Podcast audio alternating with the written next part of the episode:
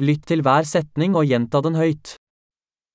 Beklager, jeg fikk ikke med meg navnet ditt. Es tut mir leid. Ich habe Ihren Namen nicht verstanden.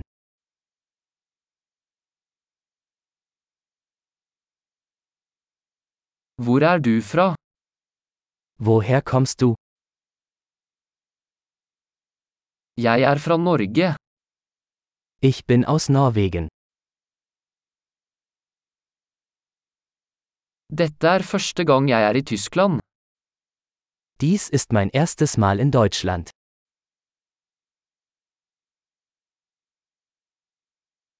Hvor gammel er du? Wie alt bist du? Jeg er 25 år gammel. Ich bin 25 Jahre alt.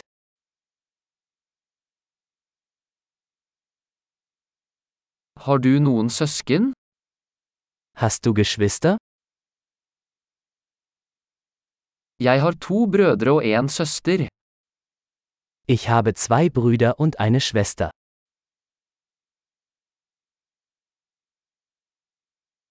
Jeg har ingen søsken. Ich habe keine Geschwister. Jeg lyver noen ganger. Ich lüge manchmal. Hvor skal vi? Wohin gehen wir? Hvor bor du? Wo wohnst du? Hvor lenge har du bodd her? Wie lange hast du hier gelebt? Hva gjør du på jobb?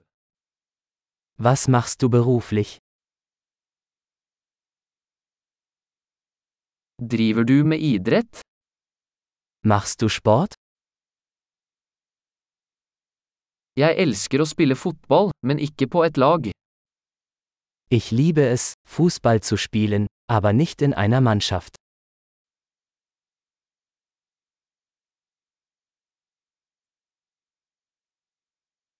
Hva er dine hobbyer?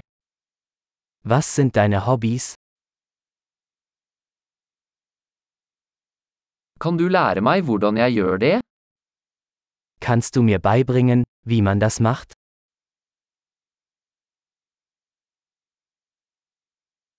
Hva er du begeistret for i disse dager? Worauf freust du dich in diesen Tagen?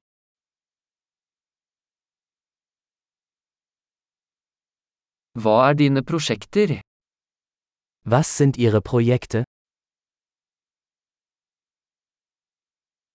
Hvilken type musikk har du hatt glede av i det siste? Welche Art von Musik haben Sie in letzter Zeit genossen?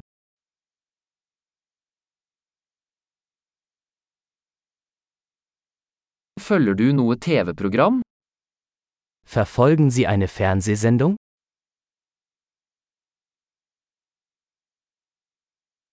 Har du sett noen gode filmer i det siste?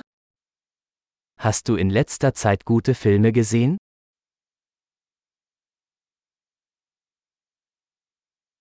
Hva er din favorittårstid? Welche Jahreszeit magst du am liebsten?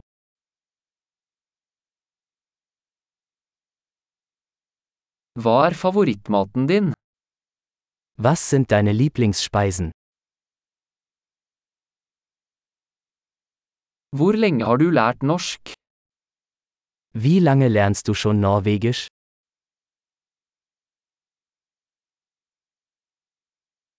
Hva er din e-postadresse? Was ist Ihre E-Mail-Adresse?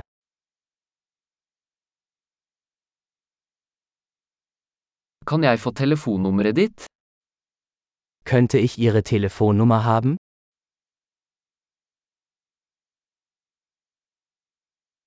Vil du spise middag med meg i kveld? Möchtest du heute Abend mit mir zu Abend essen?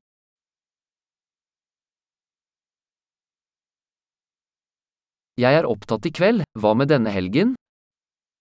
Ich bin heute Abend beschäftigt. Wie wäre es mit diesem Wochenende?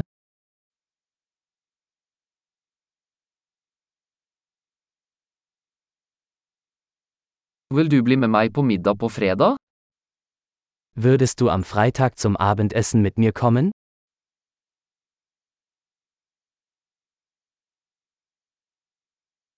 Da er jeg opptatt. Hva med lørdag i stedet? Dann bin ich beschäftigt. Wie wäre es stattdessen mit Samstag?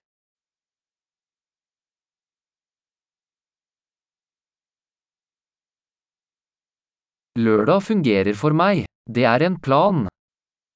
Samstag passt für mich. Es ist ein Plan.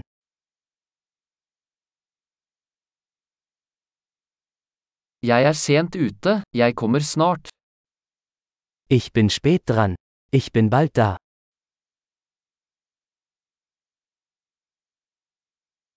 Du lyser alltid opp dagen min.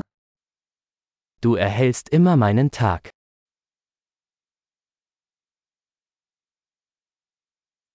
Flott! Husk å lytte til denne episoden flere ganger for å forbedre oppbevaringen. Glade forbindelser!